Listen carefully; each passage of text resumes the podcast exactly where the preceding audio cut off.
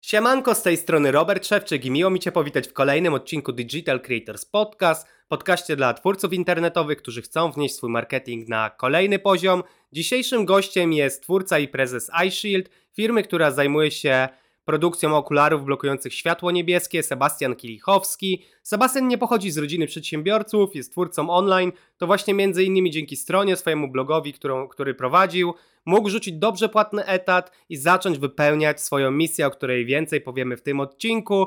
Porozmawiamy dzisiaj także o tym, jak wyglądała droga Sebastiana, skąd, po, skąd pomysł na taki produkt jak okulary blokujące światło niebieskie, jak wyglądał proces rzucenia etatu i przejścia na swoje, jak Sebastian teraz podszedłby do walidacji pomysłu i promocji swoich produktów, jak dobierać odpowiednie osoby, influencerów, twórców online do współpracy i o tym, co możesz zrobić jako twórca, aby być bardziej produktywny w ciągu dnia. Nie zabraknie także wielu innych ciekawych tematów, więc zostań z nami do końca. Partnerami odcinka są EduWeb, sprytna nauka online, EasyCard, sprzedaż w internecie nigdy nie była taka prosta, Loop Studio, twój zaufany partner w świecie designu. Linki do partnerów znajdziesz w opisie filmu.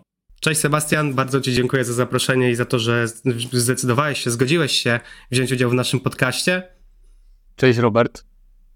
Dawno się nie widzieliśmy, mieliśmy ostatnią okazję około dwa lata temu. E, jak widzisz, okularki dalej są, cały czas spełniają swoją robotę, jestem mega zadowolony. Chciałbym zacząć naszą rozmowę od tego, jaki był Twój sukces ubiegłego tygodnia. Może to być rzecz związana z pracą, ale niekoniecznie musi być związana z pracą, po prostu coś, co było dla Ciebie w jakiś tam sposób ważne. Mhm. Wiesz co, e, sukcesem mojego poprzedniego tygodnia to była konsekwencja w treningu, ponieważ e, zarządzam całą firmą i ciężko mi wygospodarować czas taki dla siebie, ponieważ jesteśmy w fazie intensywnego wzrostu, więc bardzo się cieszę, że byłem w stanie właśnie zrobić regularne treningi, już je robię w zasadzie dwa miesiące, ale ten ostatni tydzień był bardzo taki nieprzewidywalny i uważam to za sukces, że jednak te treningi dowiozłem. A co w ogóle trenujesz? Nie, na, na siłowni po prostu, wiesz, staram się trochę poprzerzucać tego żelastwa, żeby e, dbać też o formę zdrowotną. Nie no, tak jak mówią, w zdrowym ciele zdrowy duch, myślę, że to się przekłada i jest ze sobą powiązane, że to jednak jak dbasz o siebie na co dzień, to też ma przełożenie na to, jak funkcjonuje firma. Tak, no i też wiesz, ja lubię bardzo na treningu myśleć, czyli podnoszę te ciężary, a gdzieś tam głową jestem w innym miejscu, rozkminiał o problemach, więc fajnie mi się myśli e, podczas treningu. Czyli można powiedzieć, że te takie niektóre jakieś kluczowe pomysły w kontekście rozwoju gdzieś tam iShield, to wpadają ci na siłowni. No można tak powiedzieć, tak, albo pod prysznicem, albo na siłowni. No to jest mega akurat ciekawe u ludzi, że w sumie te najlepsze pomysły wpadają nam nie w pracy, tylko poza pracą, kiedy jednak staramy się tak stricte, nie jesteśmy w nią tak pochłonięci. Tak, no może dlatego, że wtedy zyskujesz perspektywę, masz trochę luzą, e, nie ma takiego natłoku myśli. No i ja mam tak właśnie, że jak y, nie jestem w tym kołowrotku, to lepiej mi się myśli i lepiej mi się e, rozwiązuje właśnie takie zawiłe problemy, które często no, wymagają jednak e, głębszego zastanowienia. Myślę, że to już jest fajna wartość na początku dla twórców online, bo ten podcast jest głównie dla twórców online i marketerów, którzy nas słuchają. Jak nie macie jakiegoś pomysłu, możecie iść poćwiczyć, pobiegać, pójść na siłownię, wtedy wpadają, jak słyszycie, najlepsze pomysły. Chciałbym, Sebastian, zahaczyć też na początku o to, kim w ogóle jesteś i czym się zajmujesz dla osób, które gdzieś tam mogą cię nie kojarzyć. Okej, okay, więc jeżeli podcast jest dla twórców online, to powiem to w taki sposób, e, że byłem inżynierem, programowałem roboty dla przemysłu samochodowego, Gdzieś tam szedłem tą drogą, jaką dla mnie wybrali rodzice, czyli ucz się, ucz syno, idź do dobrej, idź do dobrej szkoły, skończ studia i znajdziesz dobrą pracę i pracuj tam najlepiej aż do emerytury. No i szedłem tym tokiem, ale nie czułem wtedy spełnienia w tej pracy, bo czułem, że realizuję czyjś scenariusz na życie, a nie mój, więc stwierdziłem, że mam to gdzieś, e, rzucam pracę i zaczynam ludziom pomagać ogarnąć swoje zdrowie. Więc z inżyniera stałem się, jakby to powiedzieć, jakimś trenerem performance'u, takiego osobistego. Ciężko to zdefiniować. Ale long story short, teraz jestem e, CEO iShield, e, czyli firmy produkującej okulary blokujące niebieskie światło, czyli te, które mam na sobie i ty też e, masz tej widzę Dokładnie. Tak, więc jestem, jestem twórcą tych okularów. Firma działa już ponad 4 lata, fajnie się prężnie rozwijamy, więc no taka, taka moja historia.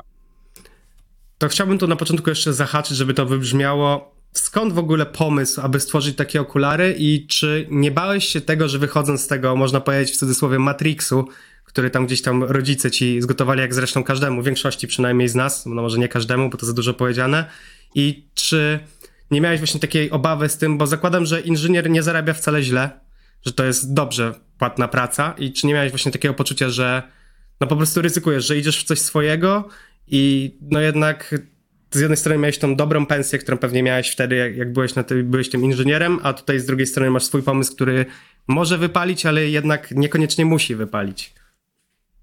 No wiesz, świeżo po studiach, dyszka na rękę, brzmi całkiem fajnie, nie? Więc ta kasa była bardzo dobra, jeżeli chodzi o programistę robotów. Ja programowałem Rolls-Royce'a, programowałem Mercedesa, więc no, praca była dosyć wymagająca, e, ale nie dawało mi to spełnienia i tutaj e, moim zdaniem warto, żeby każdy twórca online odpowiedział sobie na jedno ważne pytanie. Co tak naprawdę lubi robić i zacząć to robić, bo ja bardzo lubiłem tematy dietetyczne.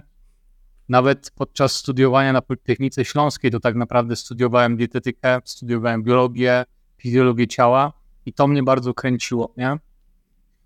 E, no więc jak już pracowałem na etacie, miałem te dobre zarobki, ale perspektywa tego, że ja nie mam żadnego sprawstwa na, na świat, ja tym, że doprogramuję robota, tak naprawdę za wiele nie zmienię, tak? Wyjedzie więcej samochodów na ulicę i mam to gdzieś, tak naprawdę. No więc to, to mi nie dawało, nie dawało mi to spełnienia, a ja jestem osobą takim ideowcem i ja muszę mieć, muszę czuć, że mam jakiś wpływ na świat, chcę czynić ten świat lepszym miejscem. No i tak sobie wymyśliłem, że właśnie będę pomagał ludziom e, czuć się lepiej, mieć więcej energii. Ale okulary wzięły się stąd, że pracując właśnie jako programista robotów, to często wyjeżdżałem na delegacje. I na delegacjach pracowałem po 10-12 godzin na fabryce, często tylko i wyłącznie przy sztucznym oświetleniu.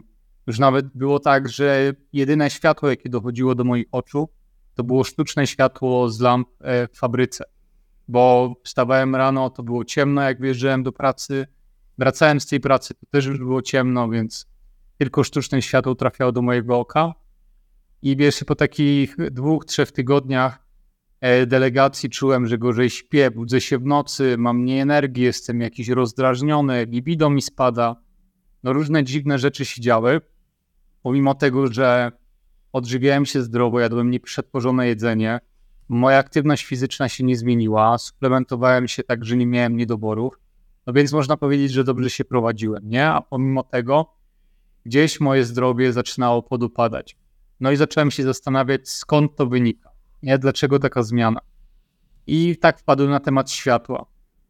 E, zobaczyłem doniesienia ze świata nauki, że badacze dostali Nagrodę Nobla z dziedziny medycyny za odkrycie rytmów dobowych, że wszystko, co się dzieje w naszym ciele, jest połączone właśnie z tym rytmem dobowym, a wskazówką odmierzającą czas dla całej biologii naszego organizmu jest światło, ponieważ twoje serce, twój mózg, one nie mają zegarka i no, nie wiedzą, która jest godzina, więc tą wskazówką jest właśnie światło, a jeżeli masz ekspozycję cały czas na sztuczne światło niebieskie, bo cały czas jesteś przy komputerze, cały czas coś robisz na telefonie, a wieczorem dla relaksu oglądasz Netflixa, to tak naprawdę twój mózg myśli, że jest cały czas środek dnia, nie? No i na dłuższą metę to może ci bardzo, bardzo pomieszać w hormonach, może sprawić, że będziesz bardziej prokrastynować.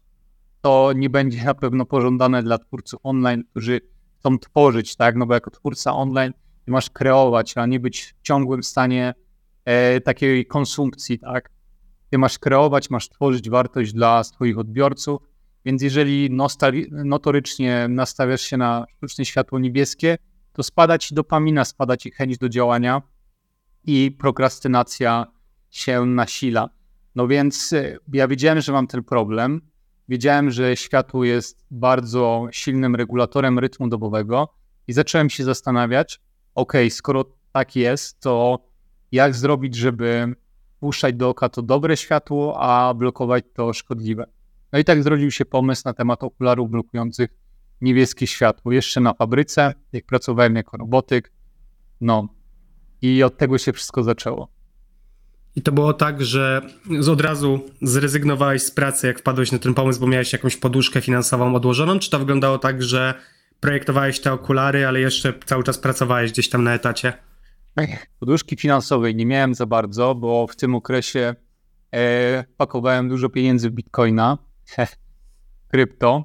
E, no i generalnie za dużej poduszki finansowej nie miałem, ale e, też byłem już trochę, powiedzmy, rozpoznawalny w środowisku dietetycznym, ponieważ prowadziłem swój projekt, jakim e, jest dieta to nie wszystko.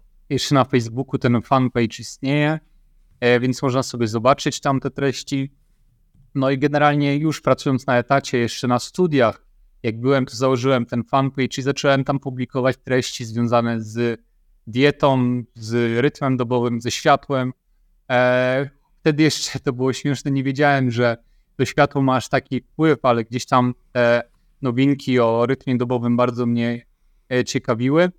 E, chociaż wtedy profil skupiał się bardziej na temat diety ketogenicznej, no ale e, to nieważne. Ważne jest to, że jak, jak pojawił się pomysł o rzuceniu pracy na etacie, to już miałem jakiś background, nie? Nie startowałem od zera. Miałem ten fanpage, miałem małą rzeszę społeczności, bo nie pamiętam teraz, ile miałem tych obserwujących na, na profilu, ale powiedzmy, że z 1500, 2000 maksymalnie, nie? Nie było, nie było to dużo, ale nie było też mało. No, więc miałem, miałem swoich odbiorców i można powiedzieć, że wtedy e, doradzałem w kontekście diety ketogenicznej, bo byłem już parę lat ładnych na keto, specjalizowałem się powiedzmy w keto, więc doradzałem ludziom, jak taką dietę ketogeniczną bezpiecznie przeprowadzić, e, co jeść, żeby się lepiej czuć i mieć więcej energii. E, no więc rzuciłem pracę na etacie i zacząłem rozpisywać diety. Założyłem swoją działalność gospodarczą e, jako właśnie dietetyk, zrobiłem kurs też dietetyka klinicznego, więc rozpisywałem wtedy diety i to było moje główne źródło utrzymania.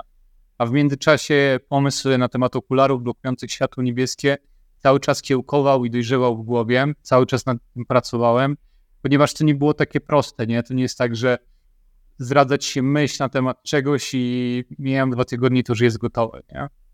To jest, była duża, długa praca koncepcyjna, jak sprawić, żeby blokować to światło niebieskie, jak zrobić te szkła, no i cały know-how, nie? Znaczy to było tak, że tytuł inżyniera robotyki jakoś ci pomógł w tym całym procesie, czy to raczej w ogóle jest niezwiązane i nie miało żadnego przełożenia? Tytuł w niczym mi nie pomógł.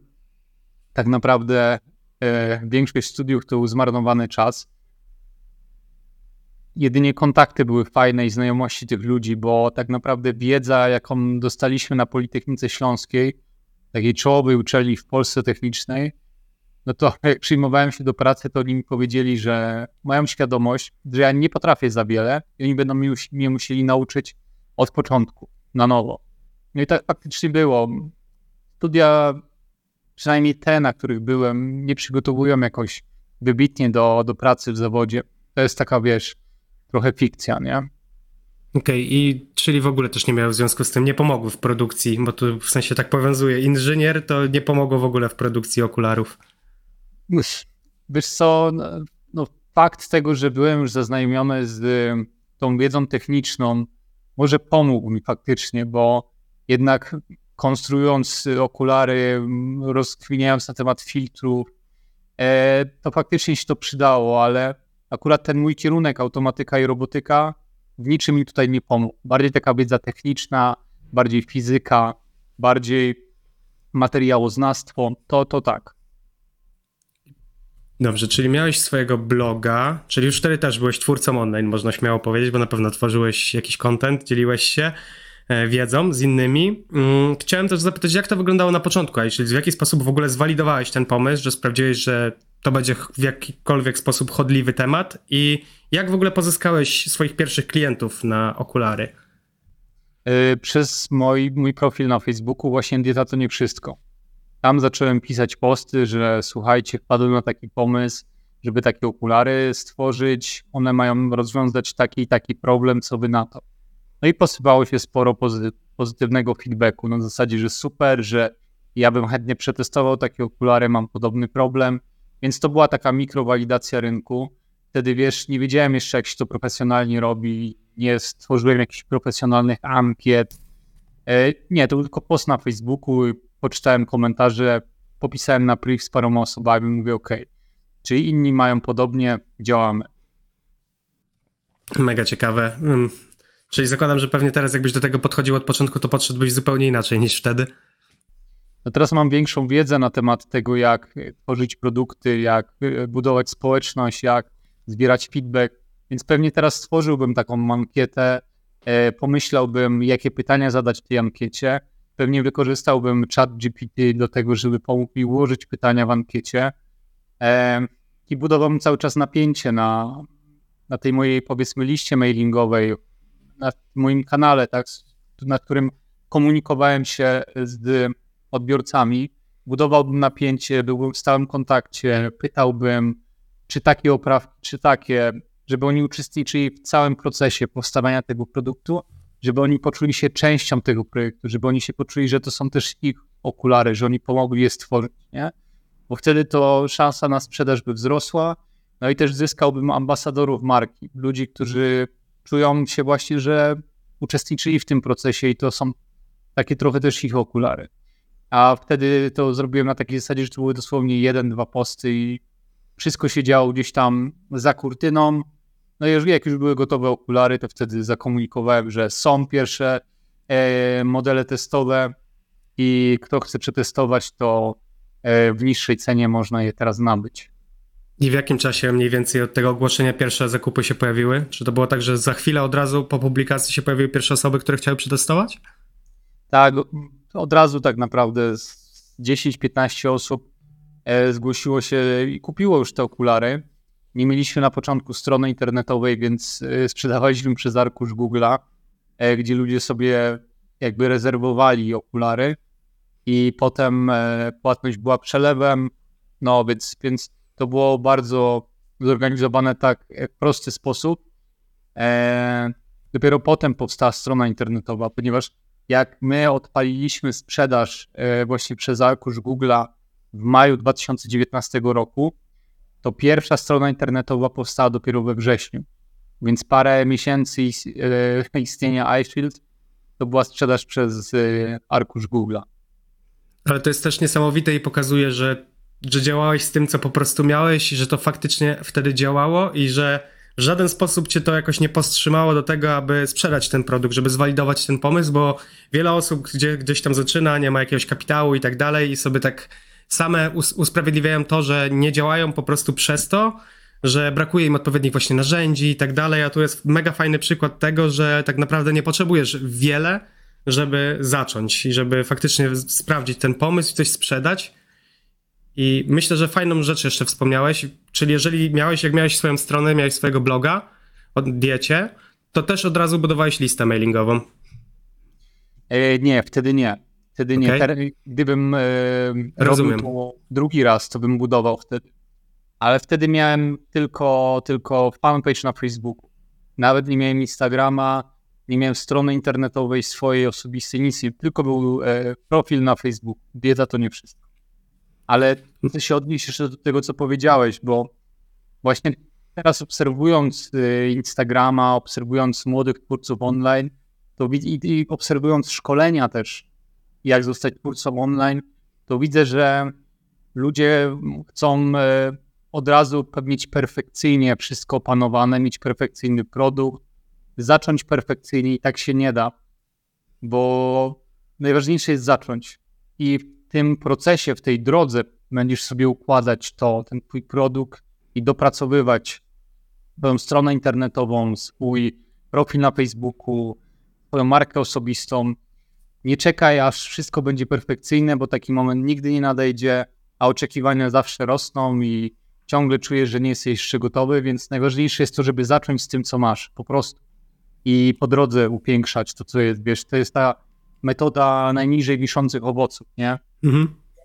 Zawsze sięgasz po to najniżej wiszące jabłko, a nie wspinasz się na sam szczyt e, jabłoni, żeby dostać to najbardziej dojrzałe. Tak, jeszcze zwłaszcza, że no, na początku nawet jeżeli myślisz, że coś może być perfekcyjne, to i tak jest zderzenie z rynkiem i wtedy to rynek w sumie weryfikuje, czy jest tak, jak ci się wydawało i najczęściej wychodzi, że niekoniecznie jest tak, jak ci się wydawało. E, dużo na przykład było tak na początku, miałeś na przykład takich e, momentów, kiedy musiałeś coś zmieniać, przykładowo w okularach? Bo... Naprawdę cały czas, cały czas coś zmieniamy, coś udoskonalamy zmieniamy oprawki, zmieniamy mechanizm zawiasów tych oprawek, cały czas coś się dzieje. E, no i tutaj bazujemy na feedbacku klientów. Mamy mega dopracowaną obsługę klienta, mamy stworzone arkusze i zawsze jak jakaś wątpliwość klientów się pojawi mailowo lub telefonicznie, e, czy oni piszą z jakimś feedbackiem, co by poprawić na stronie, co by dodać w okularach, spisujemy to do arkuszy i potem staramy się to wprowadzać w życie więc tutaj bazujemy bardzo mocno na feedbacku od ludzi. Ostatnio jak wszedłem na chyba profil iShield właśnie, czytałem komentarze, to ludzie bardzo chwalili sobie waszą obsługę klienta. Tam chyba nawet ktoś pisał wtedy ten komentarz, który widziałem był związany z obsługą klienta i z domową przymierzalnią, że to u was świetnie działa z tego co widziałem. E, chcesz dopytać o domową przymierzalnię? Tak, Czy chciałem właśnie, bo teraz chciałem teraz też dopytać właśnie o domową przymierzalnię, bo wpadło mi to do głowy. I jak w ogóle wpadłeś na ten pomysł i czy mógłbyś w ogóle najpierw pokrótce opisać, jak to u was działa? Bo myślę, że to jest genialne i myślę, że to ma duży wpływ na przykład na sprzedaż, ale to tylko takie moje domysły, nie wiem jak jest naprawdę. Domowa przymierzalnia to też jest odpowiedź na potrzeby klientów, ponieważ my nie mamy salonów stacjonarnych. Taka jest nasza trochę strategia biznesowa, żeby nie mieć na razie ekspozycji na offline, tylko na online. E, no więc padały takie maile, że fajnie byłoby gdzieś te okulary przymierzyć, a nie ma gdzie i ludzie boją się tak ciemno zamawiać. Więc stwierdziliśmy, że zrobimy taką właśnie domową przymierzalnię, taki próbnik, gdzie ludzie będą mogli sobie zamówić e, cztery oprawki albo wielokrotność czterech i przymierzyć sobie w domowym zaciszu. No, więc ta domowa przymierzalnia świetnie działa, bo statystyki pokazują, że ponad 50% osób, które zamówiło domową przymierzalnię, finalnie dokonuje zakupu na okulary. Czyli bardzo dobrze konwertuje, jakby nie patrzeć. No myślę, że to jest super, takie podejście i że na pewno to się opłaca. No w sensie, no wiadomo, no bo to jednak po drugiej stronie zawsze jest człowiek, więc jeżeli dbamy o tego człowieka, to po pierwsze on jest zadowolony, Wtedy my jesteśmy zadowoleni, bo dużo chętniej wydają nas te pieniądze, a z drugiej strony też, jeżeli dbacie pewnie o tą jakość na tak wysokim poziomie obsługi klienta, to myślę, że osoby stają się szybko takimi ambasadorami waszej marki i dużo, bardzo chętnie pewnie mówią o tym, o was innym osobom. Sam ja jestem przykładem, no zostałem przez was na początku, gdy się gdzieś tam poznaliśmy, mi, miło potraktowany, miło mi się z tobą rozmawiało, wierzę w waszą ideę, wierzę w waszą misję i sam kilku, albo nawet kilkunastu osobom poleciłem okulary i wiem, że kilka osób na pewno się na nie zdecydowało, więc na pewno tutaj robicie genialną robotę. No, dziękuję bardzo za ten feedback. Nie, świetnie, świetnie. Ja też jestem mega zadowolony z tego, jak komunikacja i wszystko przebiega, więc naprawdę na duży plus. Wiele firm myślę, że może się od Was tego uczyć. Chciałem też zapytać o to, bo ostatnio pojawiasz się w wielu podcastach, o czym też sobie rozmawialiśmy przed tutaj startem nagrywania. Chociażby widziałem dwa świetne, długie odcinki u Przemka Górczyka którego serdecznie pozdrawiam, no pewnie nie zobaczę, ale gdyby kiedyś widział, to pozdrawiam. Czy też pojawiasz się na live'ach u różnych twórców, chociażby my się tak poznaliśmy tak dwa lata temu u Matki Sukcesu na live'ie. I po pierwsze chciałem cię zapytać, jakie to ma przełożenie na markę, a po drugie, czy od zawsze tak było, chociażby te dwa lata temu, że ludzie ci tak chętnie zapraszali, czy to było tak, że sam wychodziłeś z inicjatywą?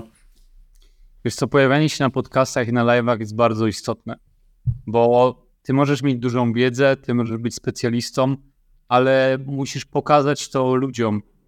Ludzie nie wiedzą, że istniejesz prawdopodobnie, jeżeli nie pokazujesz się na live'ach, na podcastach u innych osób, bo jesteś zamknięty wtedy w swojej bańce informacyjnej i często odnosimy mylne wrażenie, że no wszyscy przecież wiedzą, że ja jestem tym specjalistą od tego czy tam od tego.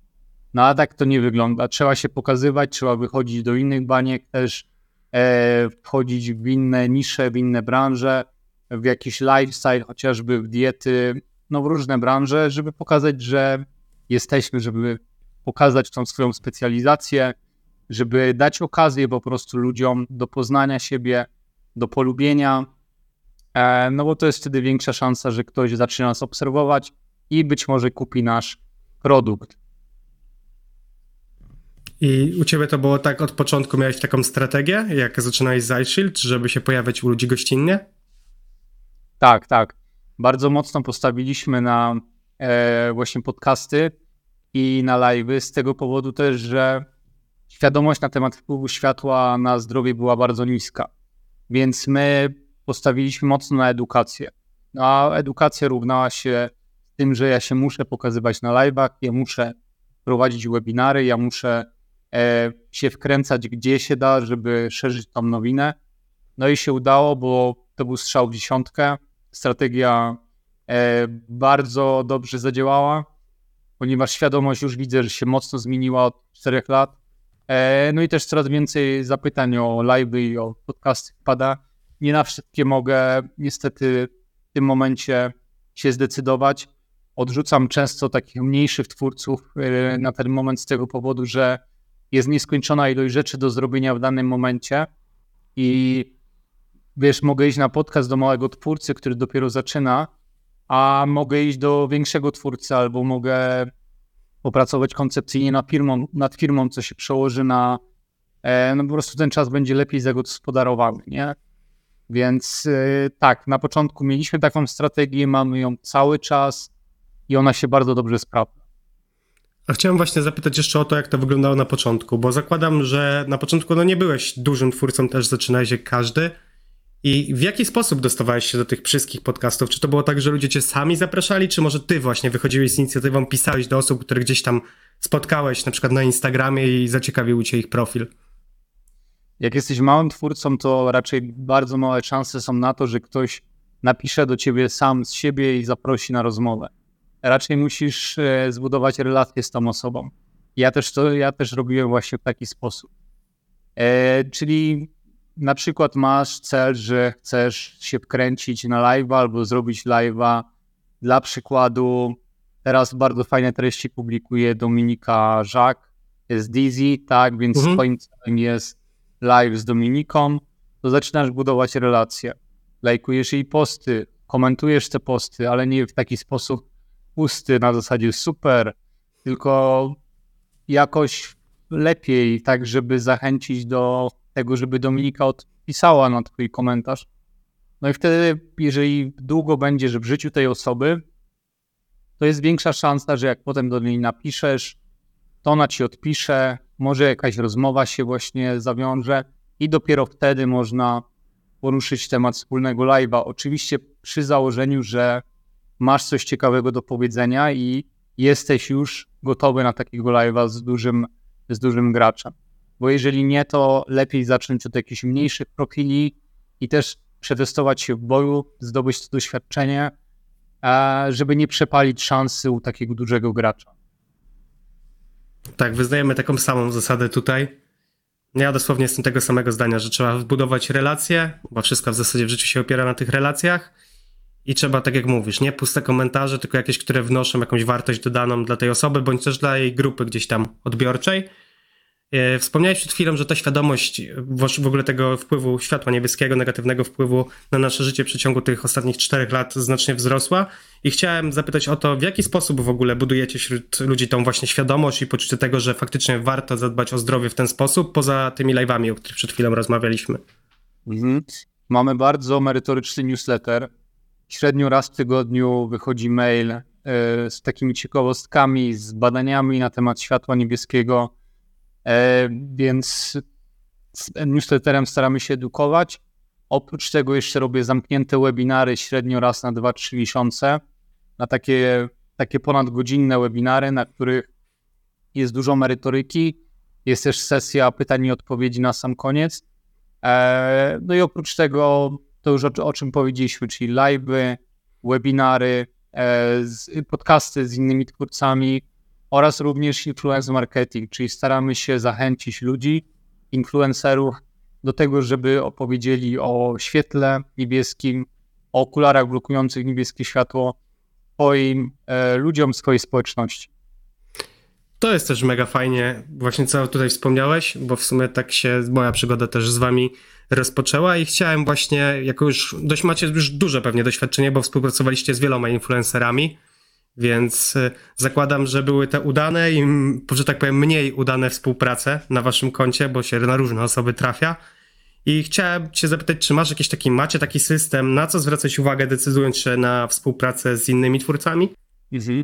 Wiesz co, nie wiem jak to teraz wygląda, bo nie uczestniczę w tym procesie. On jest oddelegowany na inne osoby, ale jak uczestniczyłem w nim, to wybieraliśmy influencerów na zasadzie e, dopasowania do naszej idei, żebyśmy współpracowali, chcieliśmy współpracować z osobami, e, które myślą podobnie, wyznają podobne wartości do nas.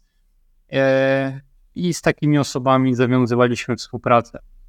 Nie chcieliśmy rozpoczynać współpracy z kimś, kto nam już na samym początku nie pasuje, bo jeszcze przed rozpoczęciem współpracy często obserwowaliśmy konto danego influencera, patrzyliśmy, czy on odpisuje ludziom, jak on odpisuje tym ludziom, czy się wywyższa, czy raczej jest taki e, na zasadzie, wiesz, że wchodzi w fajną interakcję, czy dany influencer jest jak e, choinka, na której codziennie każdy wiesza swoją bombkę, czytaj e, taki słup promocyjny, czy nie. To też było bardzo istotne. E, no i przede wszystkim chcieliśmy osoby, które są bardzo, bardzo realne, które są bardzo takie, wiesz, uczciwe, które czasem widać, czy ktoś kręci, czy ktoś kupuje tych influencerów, jak ma same lajki od jakichś ruskich e, albo e, tureckich. tureckich, tak. tak. No, więc staraliśmy się, żeby to były po prostu fajne osoby, które mają fajną społeczność i rezonują z nami. A dużo mieliście takich przypadków, że ktoś coś zrobił niekoniecznie tak, jak powinien zrobić? Tak, mieliśmy, na, mieliśmy nawet takie sytuacje, że umawialiśmy się, że wyślemy komuś okulary w zamian za opowiedzenie o świetle niebieskim i o tym, jak te okulary działają. No a po tym, jak dany influencer dostał już paczkę, to ślad po nim zaginął. Nagle był chory przez miesiąc, potem drugi miesiąc był na wakacjach i zapomniał okularów, potem je zgubił te okulary, więc było to bardzo, bardzo słabe. Mega słabe. Mam nadzieję, że takie osoby na czarną listę jakąś u was wpadają wtedy. Bo no, no tak, nie, no to na czarnej liście. Tak, mega słabe zachowanie. Hmm. Chciałem też zapytać, co według Ciebie przeło przełożyło się na całe ukształtowanie marki iShield? Myślę, że moja osoba, będąc tutaj nieskromnym, ale marka budowana na marce osobistej w dzisiejszych czasach ma większą szansę powodzenia. Z tego powodu, że my jako ludzie mamy tendencję do ufania bardziej ludziom, drugim, niż jakimś takim tworom skostniałym, niewiadomego pochodzenia. Jeżeli za marką stoi tylko logo i ty nie wiesz, kto tam za co odpowiada, to masz taki dystans, nie?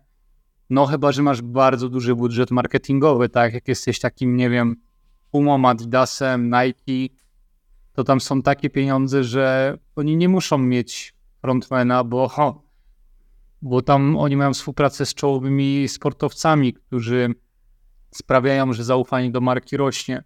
Ale jeżeli zaczynasz markę, e, to fajnie jest ją oprzeć na, na sobie, na marce osobistej, e, no bo zaufanie jest wtedy większe.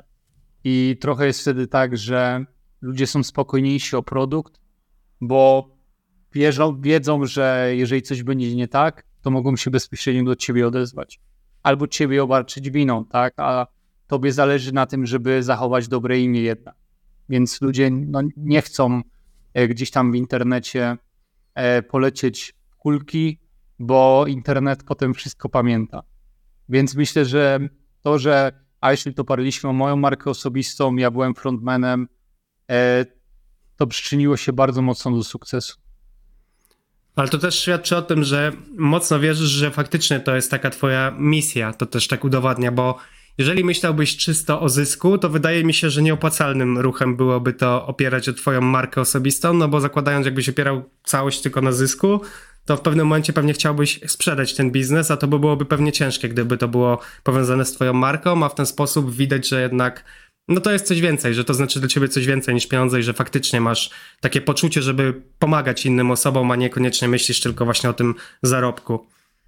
Tak, no to jest ta potrzeba misyjności, ta potrzeba idei. Ja potrzebuję mieć powód, żeby wstać rano z łóżka. E, no i jeśli jest tym powodem. Dostajemy mnóstwo pozytywnych komentarzy, opinii, że nagle ludzie przesypiają całą noc, przestali budzić się w nocy, albo że już nie muszą stosować e, kropli do oczu, bo odkąd używają tych okularów Day Shield, to oczy nie są suche i zmęczone. Albo dostaliśmy, dostajemy feedback, że nagle moje dzieci w końcu są spokojne, ja mam czas, żeby wieczorem popracować, bo przebywają wieczorem przy czerwonych żarówkach. Więc to jest, wiesz, takie mega pozytywne i to też nas napędza do dalszego działania. Nie, nie traktuję mm, w tej firmy jako zysk, że wiesz, że tylko, tylko hajs. Kasa oczywiście jest ważna, no bo e, też wiesz, żeby rozwijać firmę, musisz mieć za co, tak? Jeżeli nie masz inwestorów z zewnątrz, tylko rozwijasz firmę za swoje zarobione pieniądze, no to musisz generować te pieniądze, jeżeli chcesz iść do przodu, robić nowe produkty, ulepszać coś, e, no to to jest jedno się łączy z drugim, tak? Ale zawsze w parze musi iść fajna jakość, musi iść e, no, rozwiązanie problemu ludzi przede wszystkim, no bo tak jak my nie sprzedajemy okularów, tylko my sprzedajemy lepszy sen i regenerację. I o tym też trzeba pamiętać. Jako twórca online to nie sprzedajesz kursu, tylko sprzedajesz rozwiązanie problemu. I to jest bardzo ważne. Tak, rozwiązanie problemu albo finalny taki jakiś rezultat, który tam osoba, która korzysta z Twojego produktu bądź też usługi chce uzyskać. E, wspomniałeś o żarówkach właśnie i też miałem zapytać o to, mm, bo oprócz właśnie w ofercie, oprócz okularów macie również żarówki. Pierwszą rzeczą, którą chciałem zapytać, to w ogóle skąd pomysł, jak narodził się pomysł na żarówki, skąd wziąłeś na to po prostu inspirację? A druga rzecz, czy może mógłbyś uchylić rąbka tajemnicy, czy coś tam nowego oprócz samych żarówek jest w planach? E, żarówki to też jest pomysł klientów, bo ludzie zaczęli mi pisać, że Mam te pomarańczowe okulary Night Shield, ale bardzo często jeszcze przed snem biorę prysznic, no i muszę zdjąć okulary. I co wtedy? Wtedy się narażam na światło niebieskie z halogenu w łazience. No i to był taki bodziec do tego, żebyśmy stworzyli żarówkę, e, żarówki, które nie emitują światła niebieskiego i które nie rozwalają rytmu dobowego. Więc wtedy przy takiej żarówce wieczorem można wziąć prysznic, można sobie w sypialni poczytać książkę przy takiej żarówce i nie psuje to efektu okularów. I co do produktów jeszcze, bo zapytałeś o produkty, jakie e, są w planach, to będą żarówki na inny gwint, ponieważ były do tej pory żarówki tylko na standardowy gwint E27. Co prawda można sobie kupić na Allegro za parę złotych przejściówkę z większego gwintu na mniejszy, więc to nie ma problemu, ale ludzie też chcieli mniejsze gwinty, więc wprowadzamy teraz gwint y, na mniejszą żarówkę E14. W planie są jeszcze suplementy na oczy, ponieważ e, okulary blokujące światło niebieskie chronią oczy przed światłem niebieskim i czyli przed technologią, tak? Ale fajnie też, żeby dostarczyć niezbędnych składników dietetycznych i mikroelementów, żeby odżywić te oczy, żeby te oczy były, mogły dłużej pracować przed ekranem, no bo nawet blokując światło niebieskie, to to oko i tak się męczy, bo nie jesteś wystawiony na naturalne światło, tylko jesteś cały czas przed ekranem komputera. Dlatego suplementy na oczy, które właśnie dostarczają niezbędne mikroelementy, będą kolejnym produktem. Myślimy też o tym, żeby stworzyć E, dalsze produkty z serii zdrowego oświetlenia, bo tutaj jeszcze parę pomysłów mamy. Może jakiś stojak na żarówkę, bo też ludzie pisali, że wygodniej im byłoby kupić e, całą lampkę po prostu niż, niż e, żarówkę. No, więc z takich rzeczy nowych to, to tyle, tyle mogę powiedzieć. Hej, mała przerwa na szybkie ogłoszenie. Uruchomiliśmy Digital Creators Newsletter, dzięki któremu będziesz na bieżąco. Dodatkowo w środku czekają na Ciebie fajne polecenia książek i wartościowe treści. Link znajdziesz w komentarzu, a tymczasem wracajmy do rozmowy. Jasne, i tak dużo, dużo fajnych rzeczy. I powiedz mi, to jest tak, że na przykład jeżeli e, no wszedłbym pod prysznic i nawet jeżeli na chwilę wyjdę i narażę się na światło pod prysznicem niebieskie, to już od razu jakby cały ten efekt, który miałem przez to, że nosiłem przez cały czas okulary, ale tylko poszedłem na chwilę teraz do łazienki, gdzie było inne światło, to cały ten efekt, że tak powiem, pryska, czy jak to wygląda? Nie, cały efekt nie pryska, ale no na pewno jest ten pozytywny efekt mniejszy. O ile nie wiemy tego, bo nie było takich badań prowadzonych. A że my nawet chcieliśmy zrobić takie badania sami, ale jak dowiedziałem się, ile takie badania kosztują pieniędzy, to szybko odpuściłem ten pomysł. E, no więc ciężko powiedzieć o ile, na pewno efekt będzie słabszy, ale o ile procent, ciężko powiedzieć. Na pewno to nie działa w taki sposób, że nosisz 3 godziny okulary, na 5 minut e, wystawisz się na światło i już to jest wyzerowane. Tak to nie działa na pewno.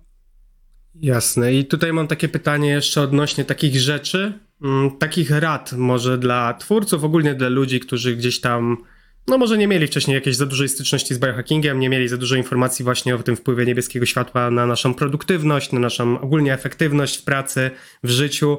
Czy masz jakieś takie uniwersalne wskazówki, które ludzie mogą zastosować, żeby ten komfort, ta jakość ich życia, pracy wzrosła, związane właśnie z światłem niebieskim, z unikaniem światła niebieskiego i tak dalej?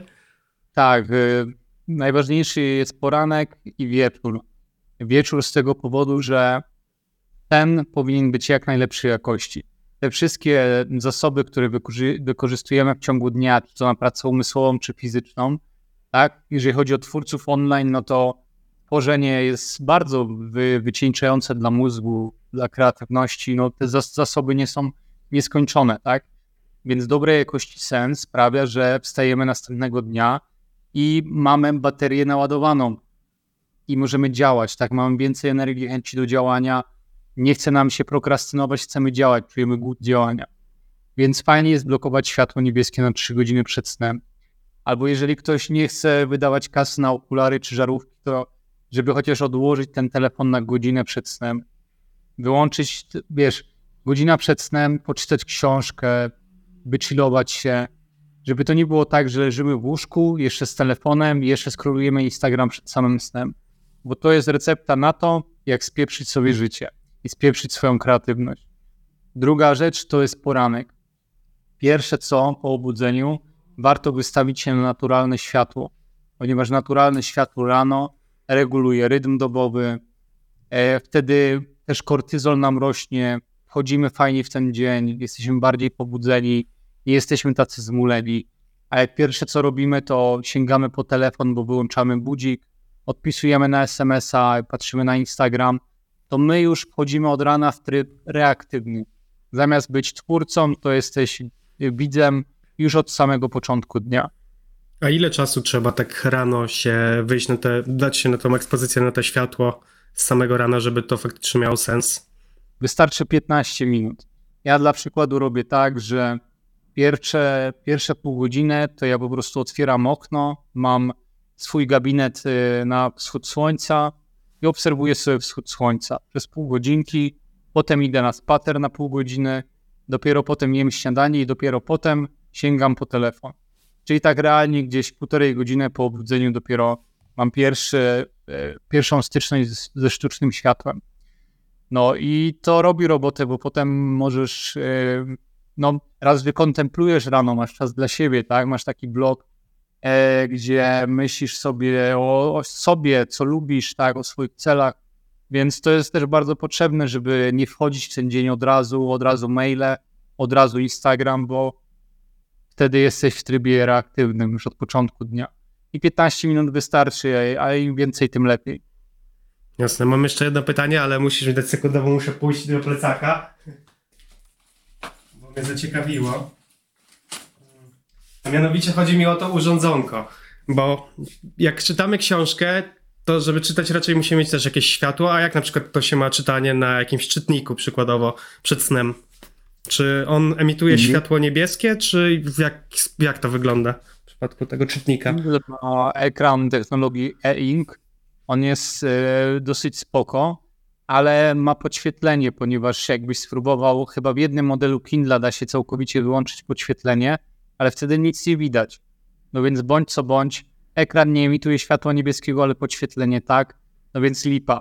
A są badania, które pokazują, że coś tak niewinnego, jak zwykła lampka nocna przed snem, tak? To nie musi być, wiesz, plazma 50 cali, czy komputer, czy telefon. Zwykła lampka nocna przed snem yy, sprawia, że melatonina e, zakłóca wydzielanie melatoniny o około 72%. 72% tego hormonu snu i regeneracji idzie w zapomnienie przez zwykłą lampkę nocną. Nie wiem, ile blokuje melatonina, melatoninę Kindle, ale podejrzewam, że będą to podobne ilości.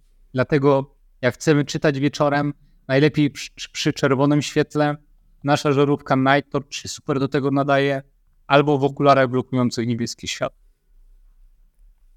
Jasne, no mega ciekawe. No, właśnie nie spodziewałem się, że aż taki to ma wpływ, że to tam mówisz 70%, no to już mega wynik i no grubo, nie spodziewałem się, że aż tak. E, chciałem też zapytać na koniec, tak przejść jeszcze do okularów, przykładowo jak mamy czy, bo zakładam, że no jesteś, że tak powiem, wkręcony w ten temat mocno, to pewnie przeprowadzałeś sam na sobie takie badania i pewnie masz jakiś Aura Ring albo coś tego typu do mierzenia jakości snu. I chciałem cię zapytać, bo pewnie robiłeś badanie, kiedy nie miałeś okularów przez jakiś czas, blokujących na nas światło i jaki to miało wpływ na sen, po prostu jak bardzo to się różnił taki sen, jak jakość tego spadła, jak drastycznie spadła jakość po prostu tego snu.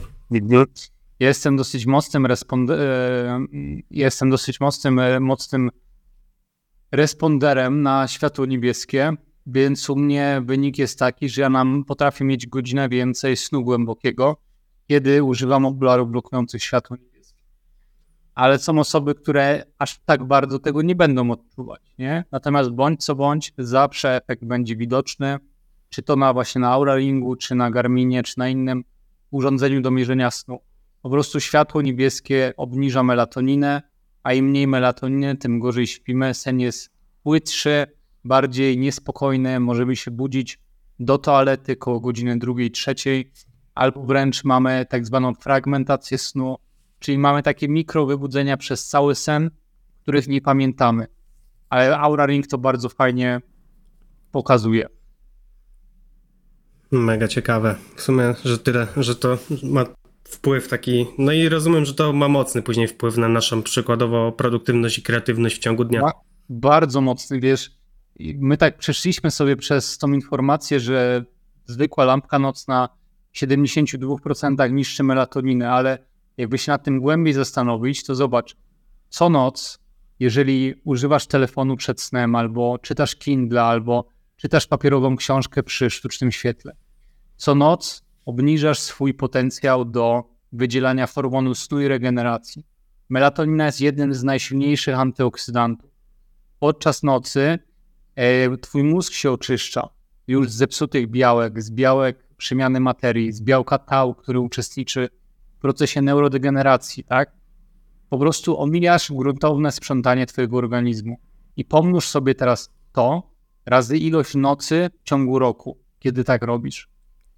I jak myślisz, czy to będzie rzutowało na, być, na, na to, jakim jesteś twórcą, na to, jaki content dajesz, na to, czy ten content jest regularny, na to, czy tobie się chce w ogóle tworzyć ten content o etacie, bo wiem, że często twórcy zaczynają w taki sposób, że są na etacie i potem po etacie jeszcze wykorzystują ten... Tak, jako side hustle. Mhm. Tak. Jak to będzie wpływać? No, czy to będzie lekka różnica, czy to będzie kolosalna różnica? To jest, no, Robert, myślę, że kolosalna. To jest niewiarygodna różnica. Ludzie przyzwyczajają się do tego, w jakim miejscu są, tak? Mózg i nasz organizm kocha utrzymywać status quo.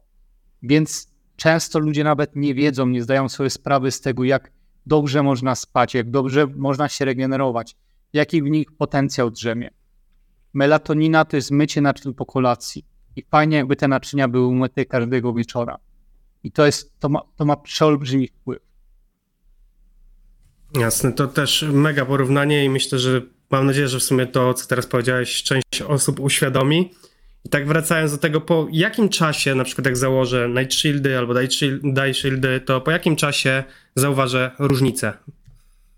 Jeżeli chodzi o Day Shield, czyli te, które mamy teraz na sobie, mhm. E, to te okulary służą do tego, żeby oko nie było suche, nie było zmęczone i żebyśmy nie byli tacy przestymulowani e, po dniówce spędzonej przed ekranem. E, efekty możesz odczuć już po pierwszym dniu korzystania, pierwszych dwóch, trzech dniach korzystania.